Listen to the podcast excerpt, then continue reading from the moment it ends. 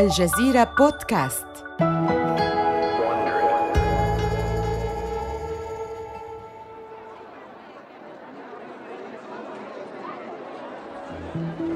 يناير عام 2007 في مدينة بارك سيتي بولاية يوتا الأمريكية. صانعو أفلام مستقلون ومرافقوهم يملؤون الشوارع والمقاهي يبحثون عن موزعين في مهرجان ساندانس للأفلام. أطل جون أنتياكو الرئيس التنفيذي لشركة بلوك باستر من زجاج سيارته المستأجرة كاديلاك أسكاليد بالقرب من شاليهات التزلج المتراصة على سفح الجبل. كان أنتياكو حينها في أواخر الخمسينيات من عمره بشعر يكلله الشيب وأنف معقوف يجعله يبدو كملاكم قصير القامة أو إمبراطور روماني.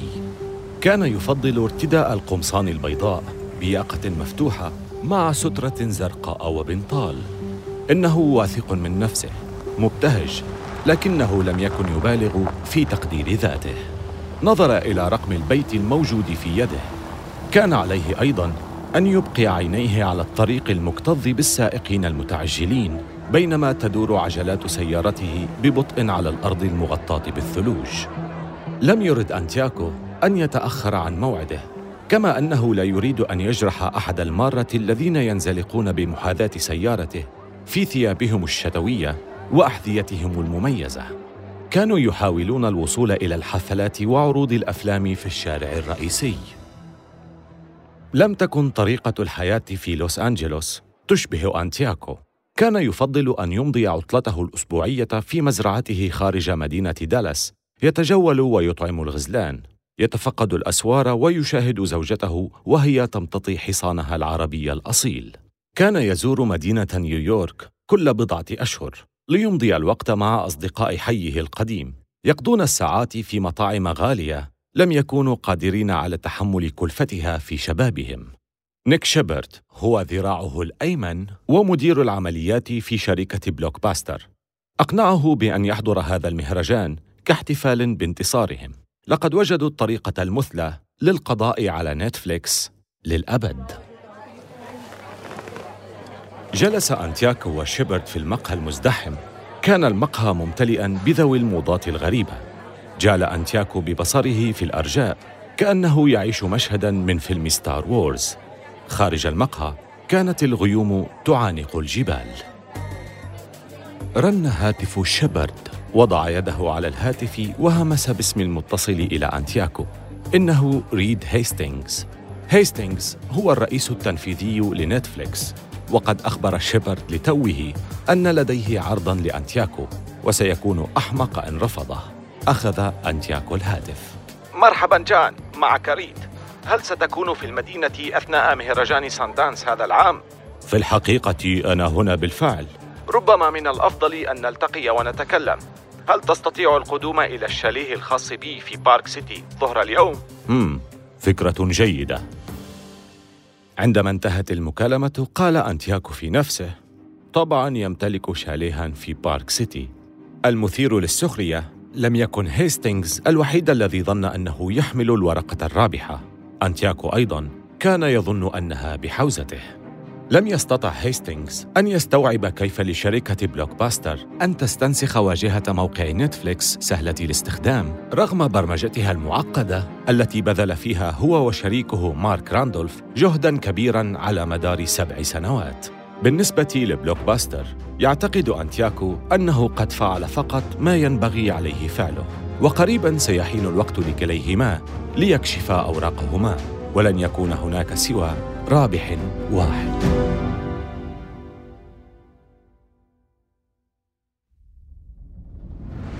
من الجزيرة بودكاست بالتعاون مع وونري هذا بودكاست حروب الأعمال.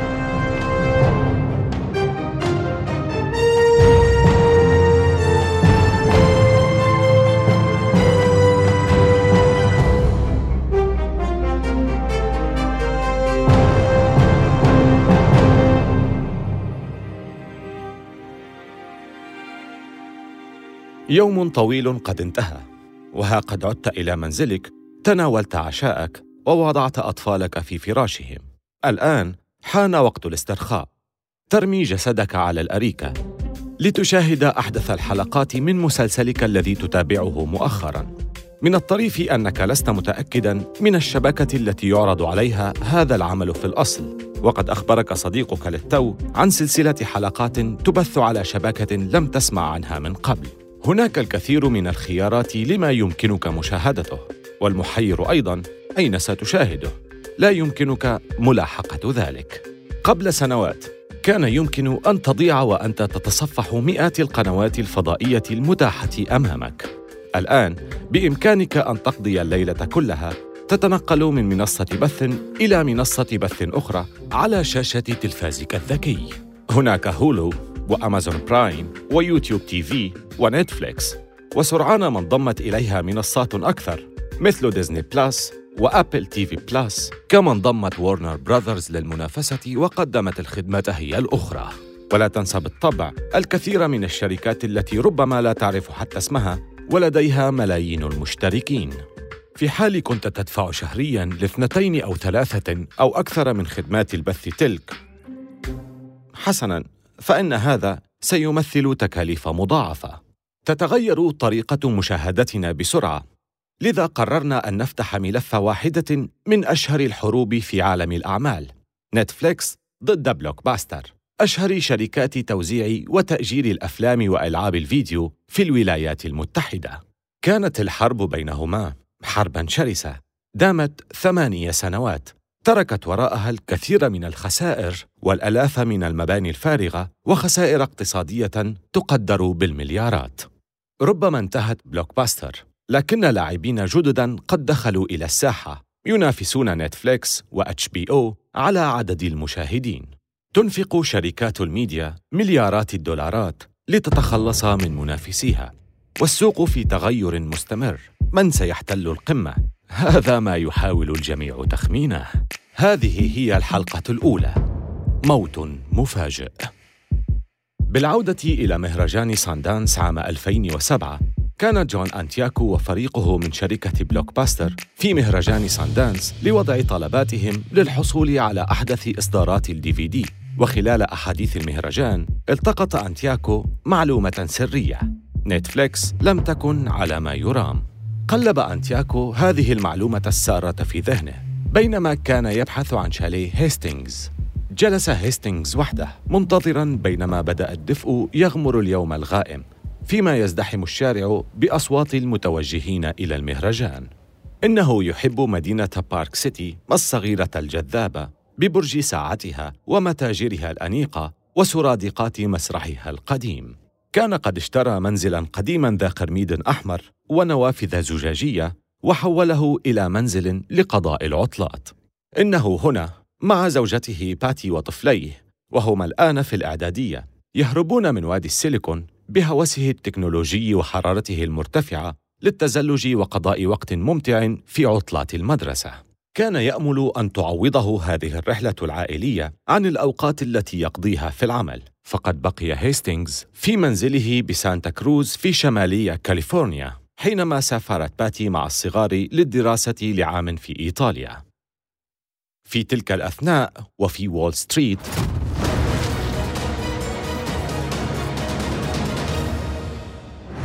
الآن تطلق بلوك باستر خدمة تأجير الأفلام عن طريق الإنترنت. تحد جديد أمام نتفليكس التي تعاني أساساً.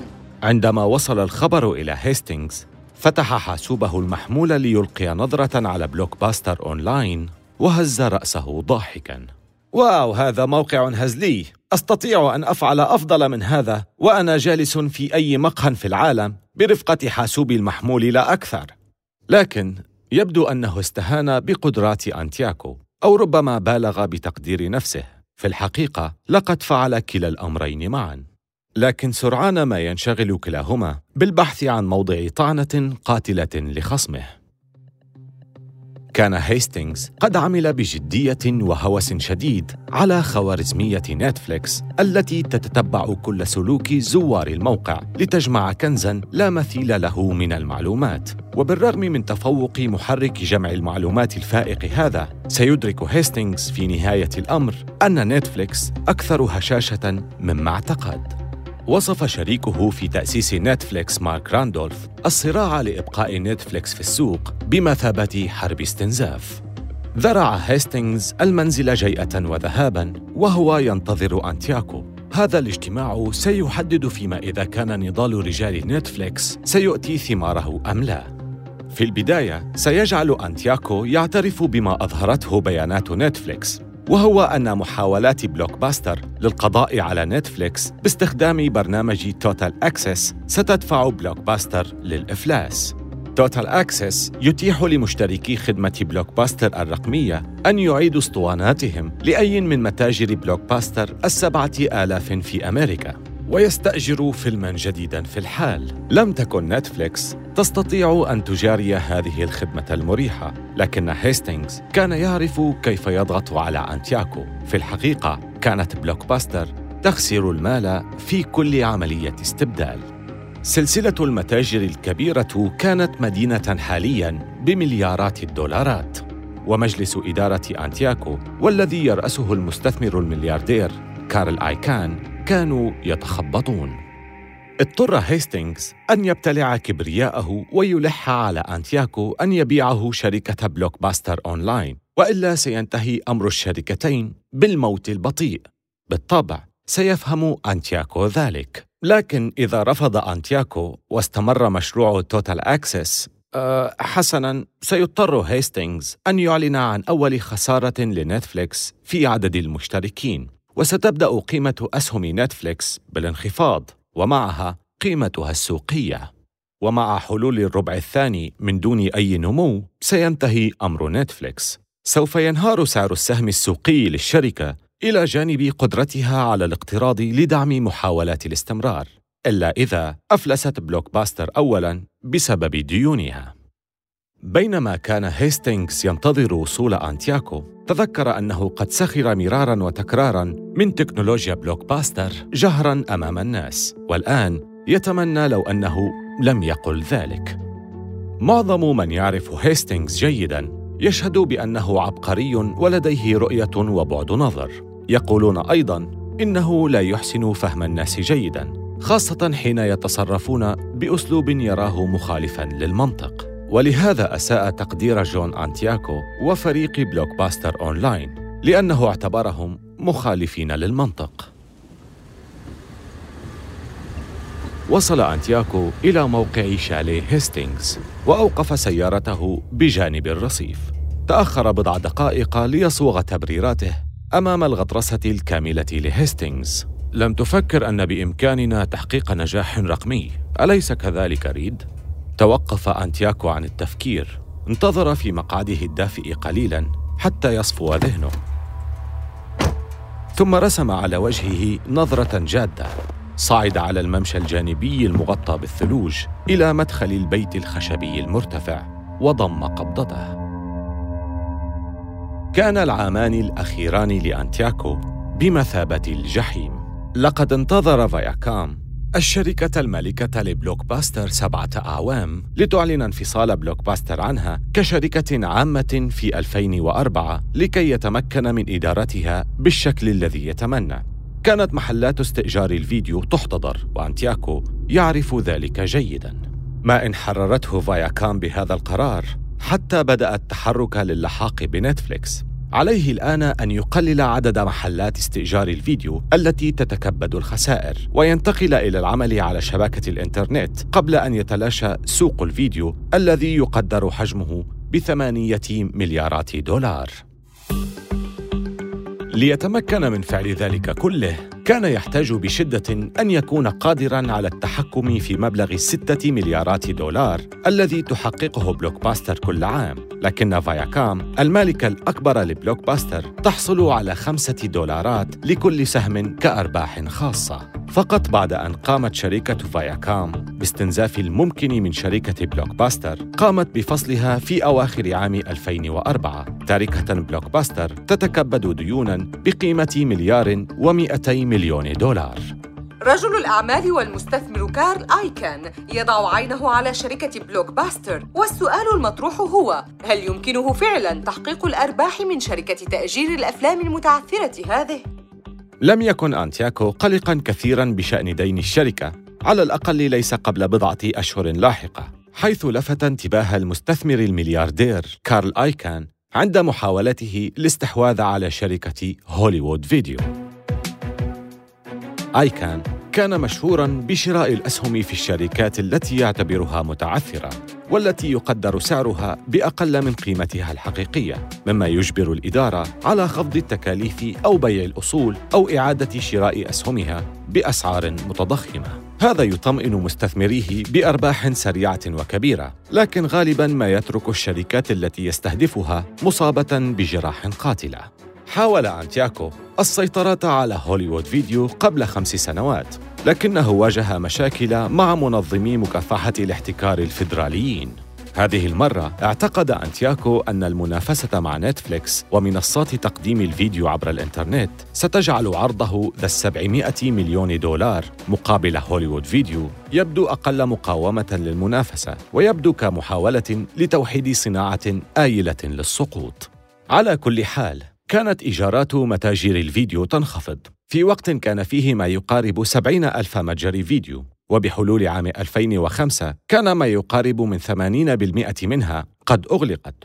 ببساطة أصبح لدى العملاء المزيد من الخيارات منصات الأفلام الرقمية ونتفليكس وأقراص الفيديو الرقمية رخيصة الثمن. أراد أنتياكو إغلاق المتاجر ذات الأداء الضعيف لتعزيز المبيعات في المتاجر ذات البيع الأفضل. من شأن ذلك أن يوفر له مالاً ليستثمر مئات الملايين التي يتطلبها اللحاق بنتفليكس. ثم وضع آيكان عينه على بلوك باستر بمجرد أن التقى أنتياكو مع آيكان كان يعلم أنه في ورطة. تحية آيكان جعلت أنتياكو يشتعل غضباً.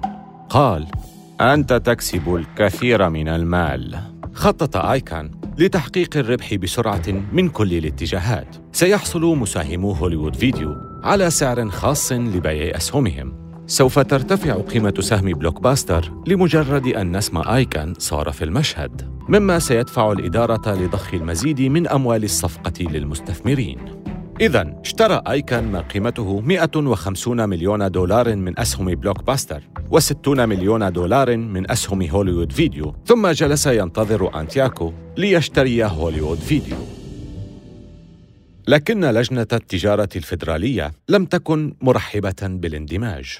بالإضافة إلى أن هناك طرفاً ثالثاً في المعادلة لم يراهن عليه أحد.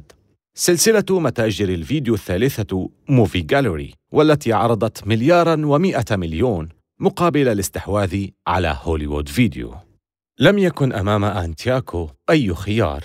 كان مضطرا للتوقف نظرا لتراكم الديون على الشركة. لم يكن لديه المال لتقديم عرض مقابل. كان آيكان غاضبا. الرجل البالغ من العمر 69 عاماً وتعود أصوله إلى حي كوينز في نيويورك. والذي صنع اسمه كصائد شركات ناجح في الثمانينيات. إلى جانب غزاة الشركات مثل مايكل ميلكن وإيفان بوسكي. تزدحم جدران مكتبه في مبنى جنرال موتورز في مانهاتن بقصاصات من الصحف معلقة في إطارات مع الصور التي تبدو مثل رؤوس غنائم الصيد لرواد الأعمال والشركات التي استولى عليها على مر السنين. من بين هؤلاء المسؤولون التنفيذيون السابقون لنبيسكو وتكساكو وريفلون وتايم وورنر وموتورولا ومارشال فيلدز وفيليبس بتروليوم وترانس وورلد إيرلاينز فشل كارل آيكان في الحصول على صفقة بلوك باستر التي أرادها. والآن تكافح شركة تأجير الأفلام من أجل البقاء. آيكان الآن عالق مع بلوك باستر استدعى أنتياكو غاضبا وطالب بلوك باستر إما أن يجدوا مشتريا خاصا أو يدفع له أرباحا تزيد قيمتها على 300 مليون دولار. رفض أنتياكو ببرود. لذا طالب آيكان بتصويت المساهمين لوضع نفسه واثنين من زملائه المختارين ضمن مجلس إدارة بلوك باستر ولكن إذا كان آيكان يأمل في أن يقلق أنتياكو فسيكتشف قريبا جدا أنه قد لعب مع الرجل الخطأ. بدلا من إخافة أنتياكو جعلته التهديدات يبذل جهدا أكبر. لقد نشأ في أحد أحياء بروكلين القاسية. كان ابنا لرجل يبيع الحليب وهو ما جعله يعرف جيدا كيف يتعامل مع المتنمرين. لقد درس أنتياكو آيكان وقرر أنه يستطيع إسقاطه.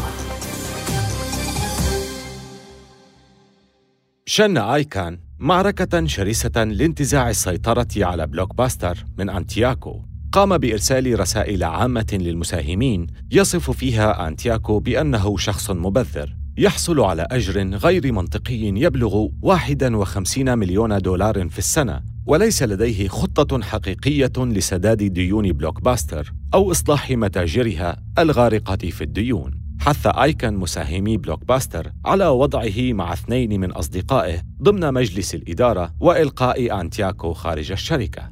وهو ما فعله المساهمون في الحادي عشر من مايو عام 2005 لكن أنتياكو قلب الطاولة لديه بند في عقد العمل.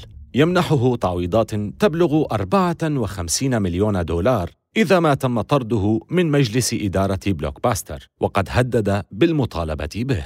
لم يكن أمام آيكان أي خيار سوى الإبقاء على عضوية منافسه الذي يكرهه في مجلس الإدارة. ومن ثم بدأ آيكان حملة بمثابة حرب نفسية تهدف إلى إجبار أنتياكو على الاستسلام. إذا غادر الرئيس التنفيذي لشركة بلوك باستر منصبه طواعية فسيضطر للرحيل دون أن تدفع له الشركة التعويض البالغ 54 مليون دولار.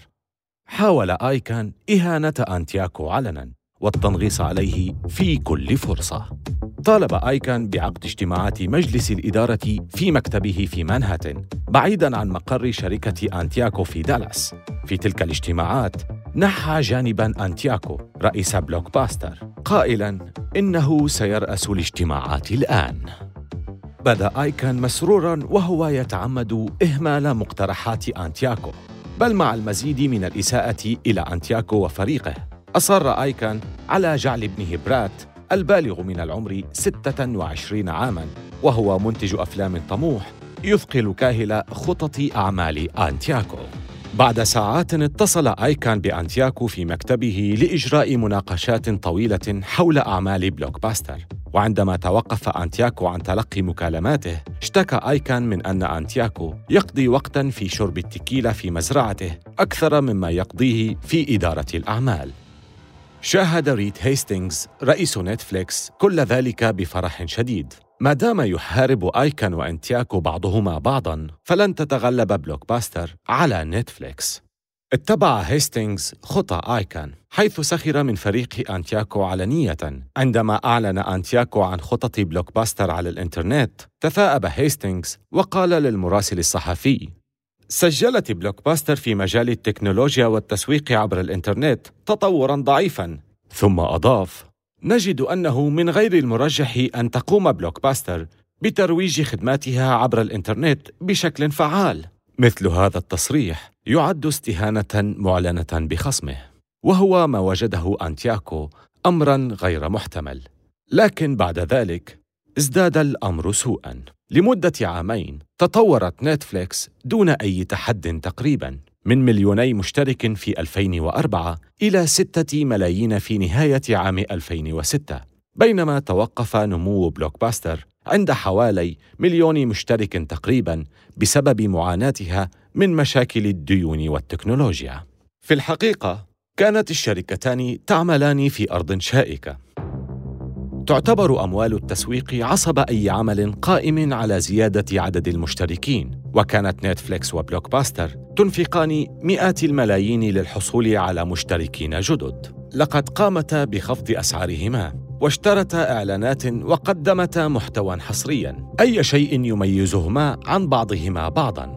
كانت معركة حتى الموت لأنه لا أحد يعرف حتى الآن ما إذا كان هناك عدد من العملاء والمشتركين يكفي لدعم شركتين لتأجير الأفلام عبر الإنترنت. وبعدها قامت توتال أكسس التابعة لبلوك باستر بإيقاف استمرار نمو نتفليكس بهذا الشكل. بطريقة أو بأخرى تمكن أنتياكو من الفوز على آيكان باستخدام منصة توتال أكسس باهظة الثمن التي سمحت للعملاء بإعادة الأفلام التي تم استئجارها عبر الإنترنت واختيار الأفلام من متجر بلوك باستر وهذا تعاون خطير كما كان يفكر هيستينغز وهو ينتظر وصول أنتياكو إلى استراحته الشتوية. في ستة أسابيع فقط ضاعفت توتال أكسس تقريبا عدد مشتركي بلوك باستر إلى مليوني مشترك.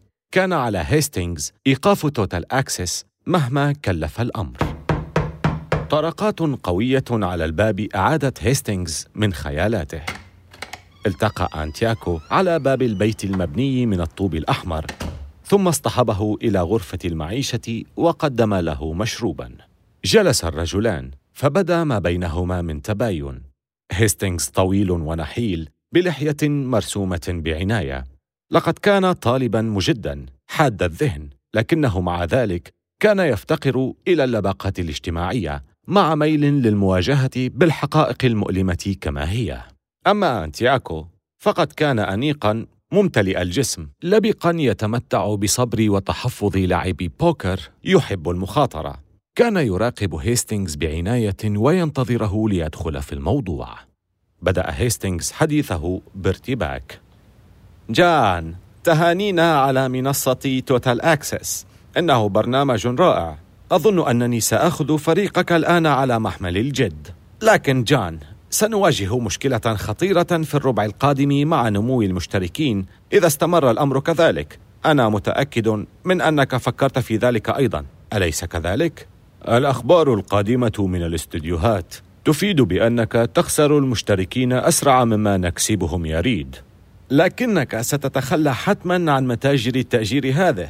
لابد أنك تخسر دولارين في كل عملية تأجير. قريبا ستصبح في عالم النسيان. ستفلسون لا محالة. في اللحظة التي تتوقفون فيها عن إهداء الأفلام بهذه الطريقة وترفعون أسعاركم سنبدأ في النمو مرة أخرى. مرت لحظة من الصمت المتوتر يقدر فيها كلا الرجلين حجم الخطر. حسنا، ماذا تقترح؟ جان، دعنا نشتري المشتركين الموجودين على منصتك. نحن أفضل منكم في مجال التأجير عبر الإنترنت. نحن أفضل في التكنولوجيا. ها هو ذا فكر أنتياكو. حتى ونتفليكس تقترب من نهايتها لم يستطع هيستينغز مقاومة أن يرميه بسهم أخير. هل يمكنه ذلك؟ لم تخفت غطرسته يوما. لذلك يجيب أنتياكو. كان لدي شيء آخر أفكر فيه. أريد أن أبقي المخازن والأعمال التجارية عبر الإنترنت. ولكن ربما هناك طريقة لكي نكون شركاء. ربما مشروع مشترك. أجاب هيستينغز عن ذلك. هذا ليس حتى عملا تريد أن تكون فيه جان. حسنا. توقف هنا للحظة. أنت الآن في مكان أنتياكو وقد رمى هيستينغز يائسا آخر ورقة معه شراء المشتركين من بلوك باستر. لذلك يفكر أنتياكو واو مئات الملايين التي أنفقتها. الانتقادات اللاذعة التي طالتني من وول ستريت ومن آيكان من مجلس إدارتي من هيستينغز كل هذه الأمور على وشك أن تؤتي ثمارها. الآن يفعل هيستينغز ما أريد. وما الذي قاله هيستينغز للتو؟ هذا ليس حتى عملا تريد أن تكون فيه جان؟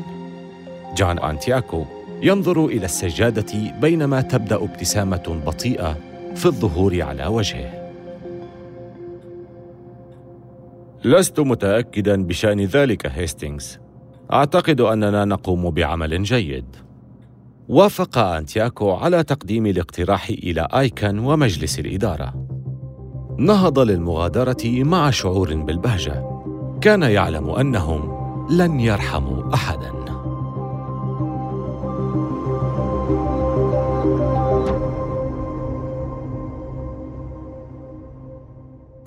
في الحلقة التالية من حروب الأعمال. توجه كل من نتفليكس وبلوك باستر ضربات قاتلة إلى بعضهما بعضا بينما يحارب أنتياكو ضد مجلس إدارته.